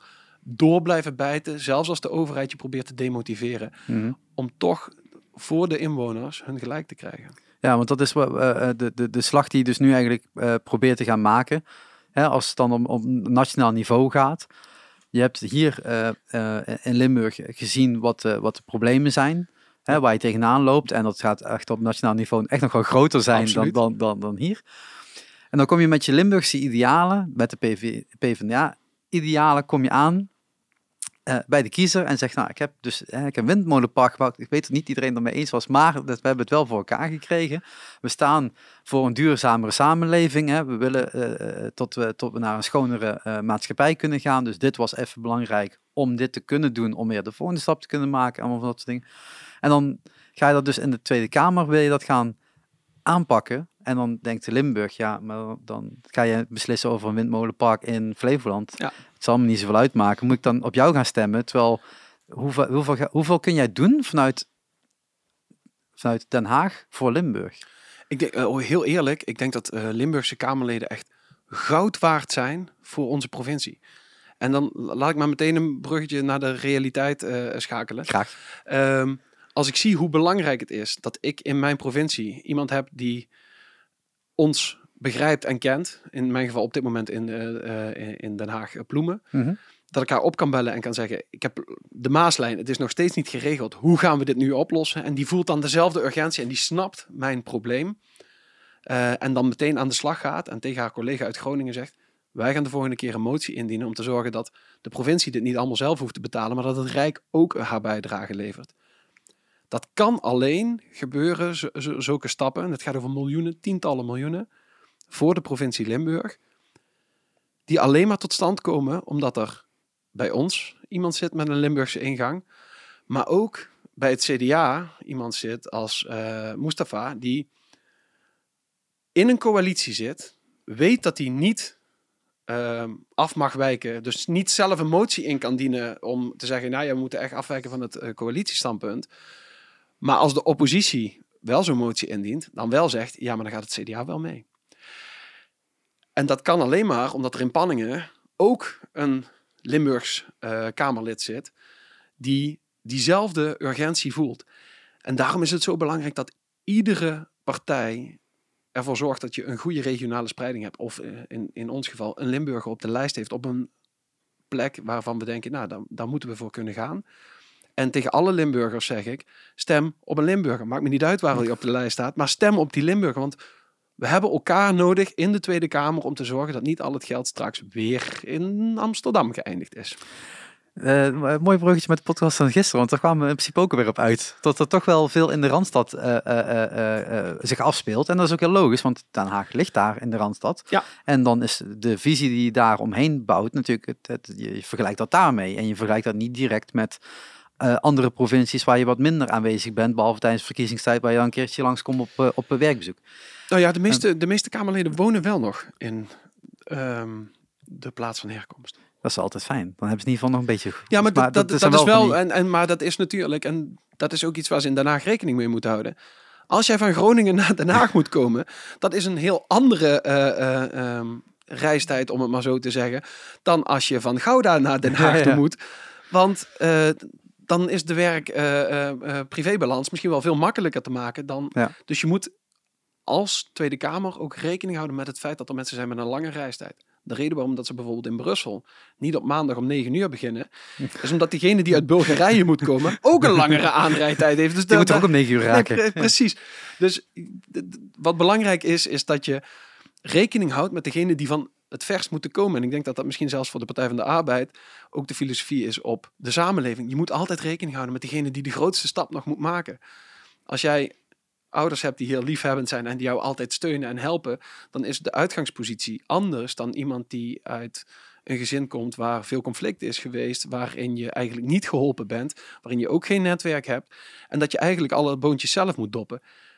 En voor de Partij van de Arbeid is het dan ongekend groot belang dat diegene die die kansen en dat netwerk niet heeft, toch de hulp van de samenleving heeft via onderwijs, via uh, instanties, om dan toch uh, uiteindelijk ook zelfs de Tweede Kamer in te kunnen of uh, een, een mooie carrière in de muziek of in de bankensector voor mijn part. Dat is wel heel ingrijpend trouwens te krijgen. Is ook een belangrijke sector. Zeker. Er gaat miljarden in om op een of andere manier. Um, Laten we even een bruggetje uh, blijven maken, proberen tussen Limburg en Nederland. Hè? Ja. Eh, eh, jij gaat nu, staat, je staat nu op die lijst. Je hebt eh, laten zien in Limburg wat je, wat je kan. Eh, en dan krijg je vanuit het nationaal krijg je een aantal taken op je van oké, dit zouden we ook graag willen doorvoeren landelijk. En dan moet jij weer gaan vertalen naar Limburgse. Kan Ja. ik het zo een beetje goed doen? Wat, Eh, wat, is, ja. wat zijn er nu de speerpunten voor jou? Die, Die op, hè, vanuit, eigenlijk vanuit nationaal heel belangrijk zijn, maar wat dan regionaal vertaald wordt, provinciaal vertaald wordt. ik denk dat eh, een van de grote eh, punten van de Partij van de Arbeid op dit moment om te zorgen dat gemeentes straks meer eh, financiële lucht krijgen om bibliotheken, jeugdzorg, ehm, eh, om zwembaden overeind te houden, publieke voorzieningen die nodig zijn om iedereen een kans te geven om eh, fatsoenlijk te functioneren. Dus eh, we zien de enorme tekorten op de jeugdzorg die heel veel gemeentes op dit moment treft. Uiteindelijk betekent dit gewoon dat er kinderen niet geholpen worden. Dat er eh, juist in die groepen waar hulp het meest noodzakelijk is, dan heb je het over huiselijk geweld, dan heb je het over psychische problematiek. Daar moet eh, hulp geboden kunnen worden door een gemeente. En we zien nu dat ze verstikt worden door het landelijke beleid zoals dat nu gevoerd wordt. Dat is iets waar de PvdA ook voor de Limburgse gemeentes en ook voor de Limburgse jeugd en hun ouders natuurlijk een enorme steun kan bieden. Een ander voorbeeld is natuurlijk de enorme investering in onderwijs. Dat is een generieke Mhm. grote maatregel natuurlijk die we eh, bij de Partij van de Arbeid eh, omarmen. En ja, die, die gaat ook natuurlijk in Limburg eh, zijn effect hebben. Dat, dat zijn grote investeringen. En ja, hetzelfde zou voor infrastructuur, met name openbaar vervoer, gelden. Ja, die frustratie zit er nog steet bij jou Ja, dat doet pijn hoor, die Maaslijn. Ja, ik had altijd, ik ben 1,96 meter, dus ik had altijd de twee andere studenten in mijn oksels staan. Eh, en dat was voor hen misschien vervelender dan voor mij. Maar Je eh, stond stabiel, dat scheelt. ja, het stond wel zeker stabiel. Ehm, dus die bereikbaarheid hier in de provincie, eh, zowel die bereikbaarheid richting de rest van Nederland, maar ook richting de andere landen om ons heen, België, Duitsland, die moet zoveel beter. Want we willen naar een toekomst toe waarin reisbaar openbaar vervoer eh, toegankelijk is voor iedereen, betaalbaar is voor iedereen. Zowel vanwege klimaatdoelstellingen als vanwege het feit dat je gewoon wil kunnen reizen op een gemakkelijke manier vanuit elk deel van Nederland. En niet alleen als je op Rotterdam Centraal of Amsterdam Centraal staat, omdat je lekker met een HSL ergens naartoe kunt jagen. Juist ook dat je vanuit Sittard of vanuit Kerkrade of vanuit Venlo ook eh, die goede bereikbaarheid hebt. Want het is bijzonder dat je vanuit Kerkrade naar Aken zo'n enorme stap moet nemen, terwijl je vanuit eh, Den Haag naar Parijs eh, eh, in, in een razend tempo kunt. Ja. Dat is heel bijzonder dat die grenzen daar niet geslecht lijken, terwijl dat tussen die grote steden wel zo is. En dan, dan ga jij dat vanuit de PvdA hoog op de, op de lijst zetten, want dat is voor hier, hier belangrijk natuurlijk. Hè? Zeker. Dus dan ga je hier campagne voeren met, nou, als ik hè, van jullie een plekje kan krijgen, Ja. dan is dat onder andere waar ik op in ga zetten, de Maaslijn. En dan zegt de helft van Limburg, ja, maar die Maaslijn, dat is eh, Nijmegen tot aan Remond. Ja. Eh, ik woon daaronder, dus ja, ik weet niet wat ik ermee moet. Ja, daarom, daarom staat Heerle Aken namelijk ook op het, eh, op het programma, of de verbinding Maastricht-Luik. Ehm goede verbindingen, dus de ene kant is de, de grensroute, zeg maar, eh, van Roermond naar eh, Nijmegen. Maar dat is natuurlijk ook het stukje Maastricht-Roermond is al verbonden. Dus ja, daarmee kun je van Maastricht in één keer naar Nijmegen.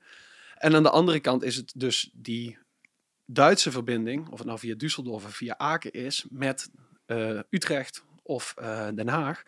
Ja, dat zijn voor ons vitale eh, eh, eh, vervoerslijnen. En als we ervoor kunnen zorgen dat je vanuit Zuid-Limburg of Noord-Limburg gemakkelijk verbonden bent met eh, het enorm grote roergebied, waar zowel economisch als ehm, ehm, ehm, ja, economisch, ik wil, wil zeggen cultureel, eh, voor, voor veel Limburgers is dat ook zo natuurlijk nog wel een Zeker. achterland ligt. En van de andere kant ook om de Duitsers de kans te geven om zo snel mogelijk hier naartoe te komen. Want wij eh, genereren nog altijd veel inkomsten met eh, de enorme hoeveelheid Duitsers die hier inkomen, komen, eh, inkopen komen. in een regulier jaar sowieso van toepassing. Ja, nu eh, is en- inkopen doen sowieso een ding. Nee, daarom. Dus het, ik bedoel, ik heb heel lang in de, in de binnenstad van Roermond gewerkt. En daar werd juist gezegd van ja, maar ja, leuk al die Duitsers, maar die komen op twee plekken. Dat is het outlet en het retail. En die draaien zich weer om en die zijn weer weg. Die komen niet meer naar de binnenstad. Ehm nou heb ik bij twee bedrijven gewerkt die alle twee niet meer bestaan. Ehm, eh, en dus daar ook gewoon last van hebben gehad tot daar minder werd, werd aangezogen. Inmiddels zie je dat de binnenstad van Roermond prachtig is aangepast. Die is mooi gemaakt. Hetzelfde geldt voor Venlo. Hetzelfde geldt voor uh, Heerlen. Voor is ook aangepast natuurlijk Ja, nu met, de- met nieuwe, absoluut. de nieuwe stationterrein. En zo zie je steeds meer steden zich wel echt verbouwen en gaan aanpassen naar de, naar, naar de noodzaak eigenlijk. Hè? Naar, de, naar de, hoe moet je het zeggen? Vraag en aanbod een betere eh, plek krijgt. En daarvan is dan, eh, ik zag jou in een filmpje voor een leegstaand pand staan in, de, in Zwalmen. Ja, Ik Kijk Ron even aan. eh, die, eh, eh, waarom zou Zwalmen zijn gekozen? Ehm, dat we wel weer die leegstand, die, die ervoor zorgt Ja. dat heel veel mensen hier juist denken, ja, maar leuk dat al die Duitsers of Belgen hierheen moeten komen, maar zullen we het niet gewoon dit eerst even... Ja, ik, denk, ik denk dat die zaken heel goed hand in hand kunnen gaan. Want eh, met eh, hoe meer kooptoeristen je hebt, hoe groter de kans dat de winkels vol zitten in, eh, in die leegstaande panden. Dat neemt niet weg dat er een trend gaande is natuurlijk dat je minder commerciële ruimte nodig hebt als samenleving. En dat heeft te maken met onder andere eh, het aanbod online natuurlijk, waarin veel mensen online shoppen en dus minder spenderen in het centrum. Afgelopen jaar heeft iedereen geleerd hoe je online iets kan kopen. Dus eh, die spanning eh, op dat centrum gaat nog veel meer eh, ontstaan na deze coronacrisis natuurlijk. Iedereen weet nu, zelfs mijn oma weet hoe, hoe snel er iets bezorgd kan worden. In plaats van dat je even op de fiets naar het centrum van, van het dorp of de stad gaat. Dat brengt een nieuwe uitdaging met zich mee. Want aan de ene kant zagen we al een trend waarin meer beleving in het centrum eigenlijk een soort van tussen ja, tussen situatie creëerde. Tussen aan de ene kant willen mensen kopen en willen shoppen of fun shoppen. eh, maar dan, ze willen ook vooral recreëren tegenwoordig. Waarin vroeger eh, de kooptoerist uit Duitsland met name een functionele kooptoerist was. Dus die kwam eh, voor koffie, die kwam voor blikjes cola eh, en eh, voor eh, eh, wat eh, groenten en fruit. En nam dat in grote bulk hoeveelheden mee terug naar eh, Duitsland. Ooit ontstaan als de boetervaart, eh, om hier eh, goedkoop eh, boter te kunnen scoren. Geschiedenis weer. ja, dit, dit is inderdaad een stukje geschiedenis. Ehm, maar inmiddels willen mensen recreëren en dat is meer dan om negen uur 's ochtends een haring happen of een friet mayonaise eten, zoals de Duitsers dat vroeger deden.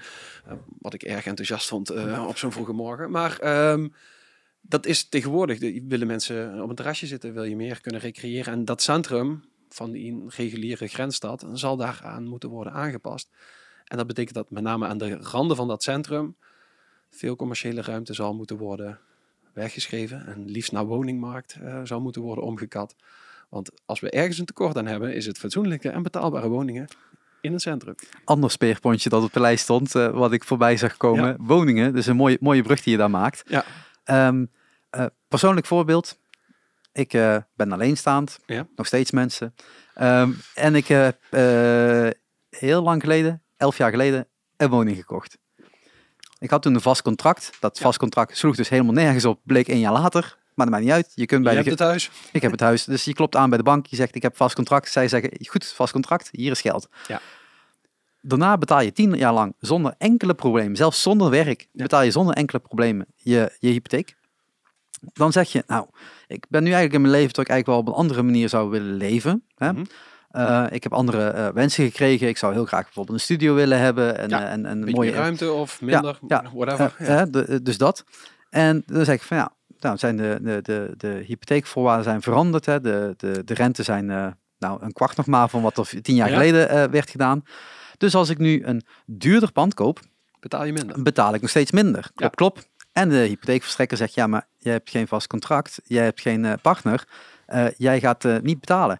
Ik zeg maar, ik heb tien jaar laten zien dat ik kan betalen. Zelfs met het hogere bedrag dan dat ik nu nodig heb. En die zegt, nou, dikke vinger, je kunt een andere kant op gaan kijken, maar ik ga je niet meer helpen. Ja.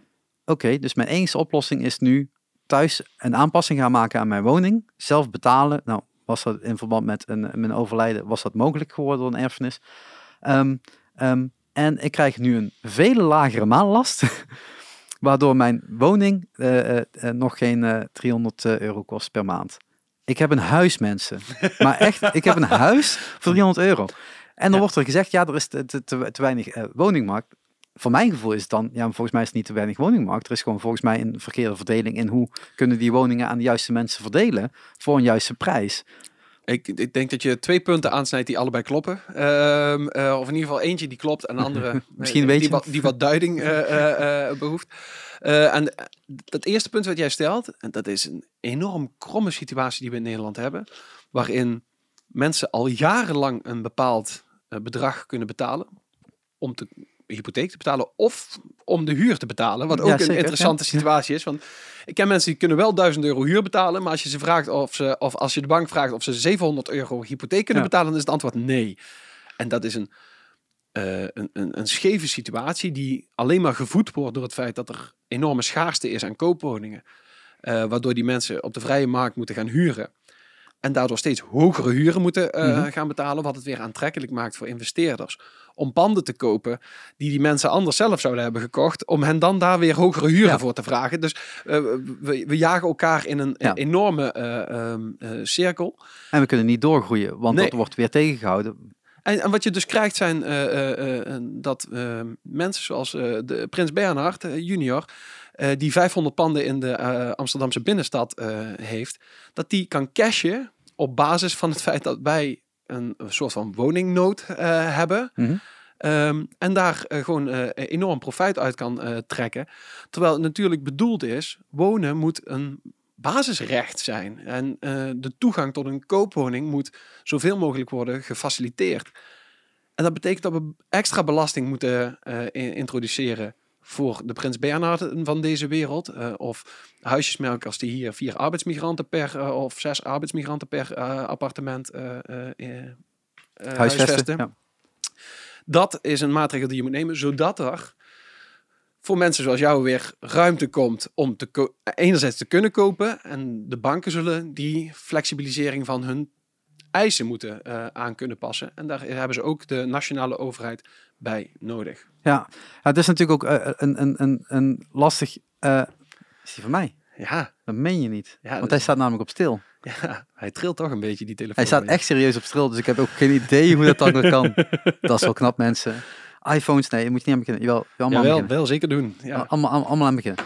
Ehm, eh, nee, maar het, het is natuurlijk wel inderdaad eh, die visuele cirkel waar, je, waar we nu eigenlijk in zitten. Om dat te doorbreken is natuurlijk ongelooflijk lastig. En het- ik, ik maakte net het grapje van, ja, we hebben volgens mij genoeg woningen. Alleen, we kunnen niet doorgroeien, waardoor dus die beginwoning voor die starter niet vrij gaat komen. Waardoor we weer woningen Ja. nodig hebben om die starters weer te faciliteren. Nou, ik denk dat die tweeledig is, eh, die, die situatie. Ehm, je hebt enerzijds een,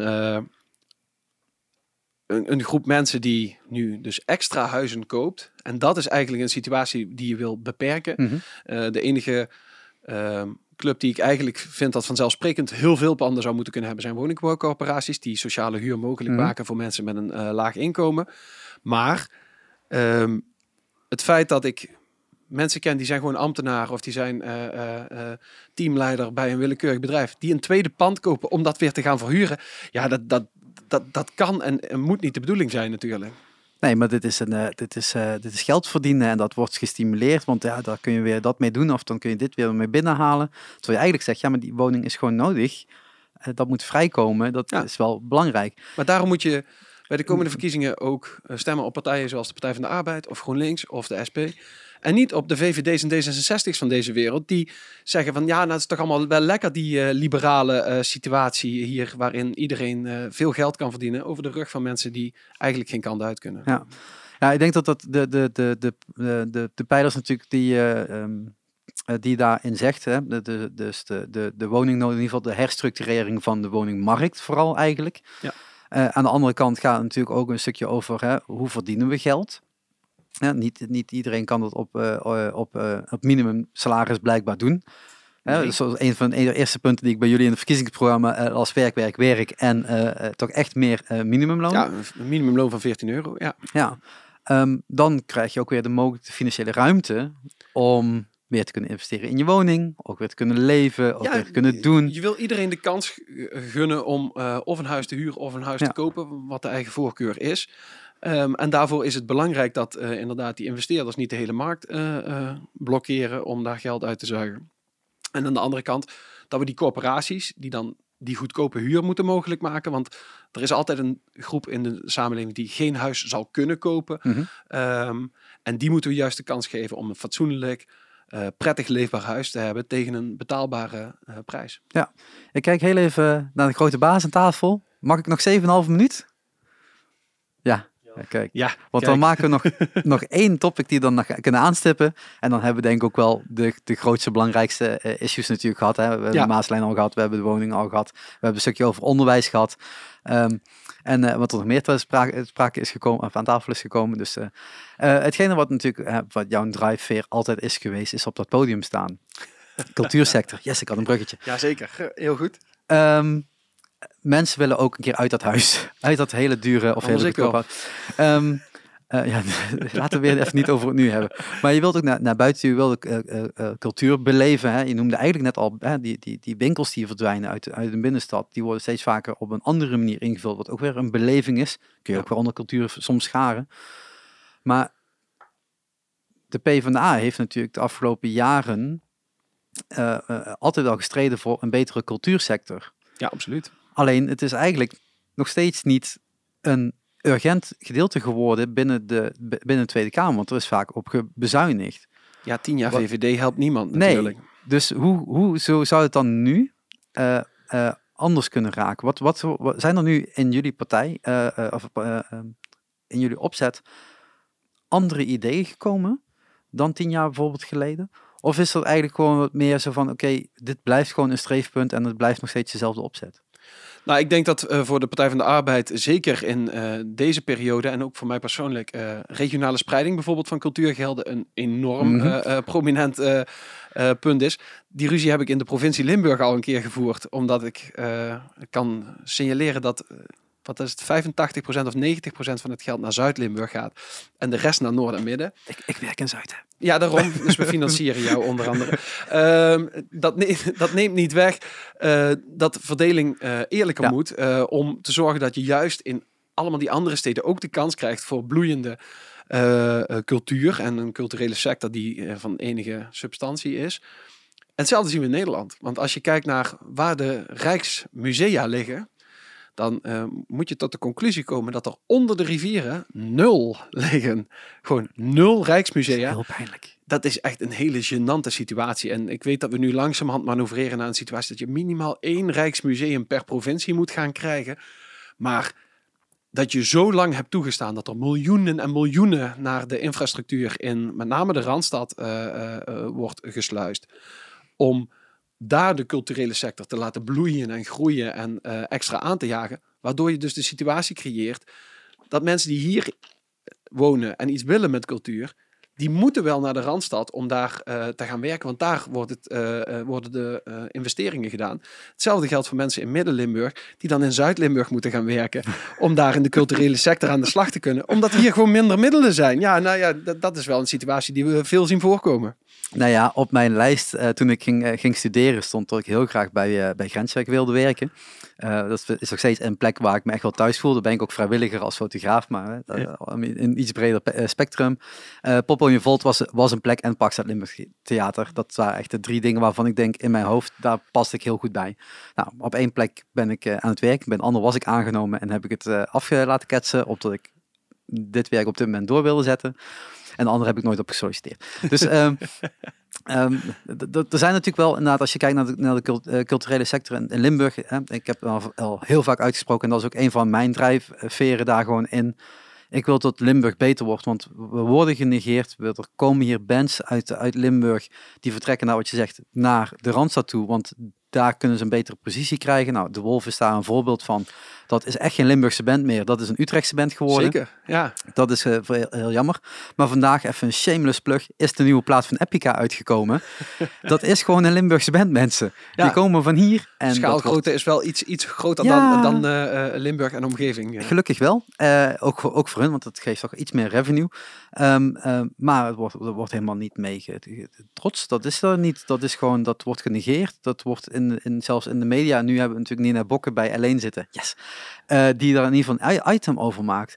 Maar daarvoor was het gewoon stilte. Terwijl ik denk van ja, op het moment dat wij niet met een paar vlaggedragers gaan uiten dat dit ook wel echt Limburgs trots is, dat je ook in Limburg muziek kan maken. Ja, als Ja, maar, dat- maar ik denk, dat we daar, eh, dat werkt twee kanten uit. Eh, enerzijds zul je als Limburg deze nieuwe generatie muzikanten moeten omarmen. Een nieuwe generatie is dan nog eh, even de vraag of je deze, deze eh, doelgroep nog nieuwe muziek, nieuw, nieuwe nee, muziek nee, in nee. Mark is ook gewoon oud. Sorry Mark, maar dat weet je.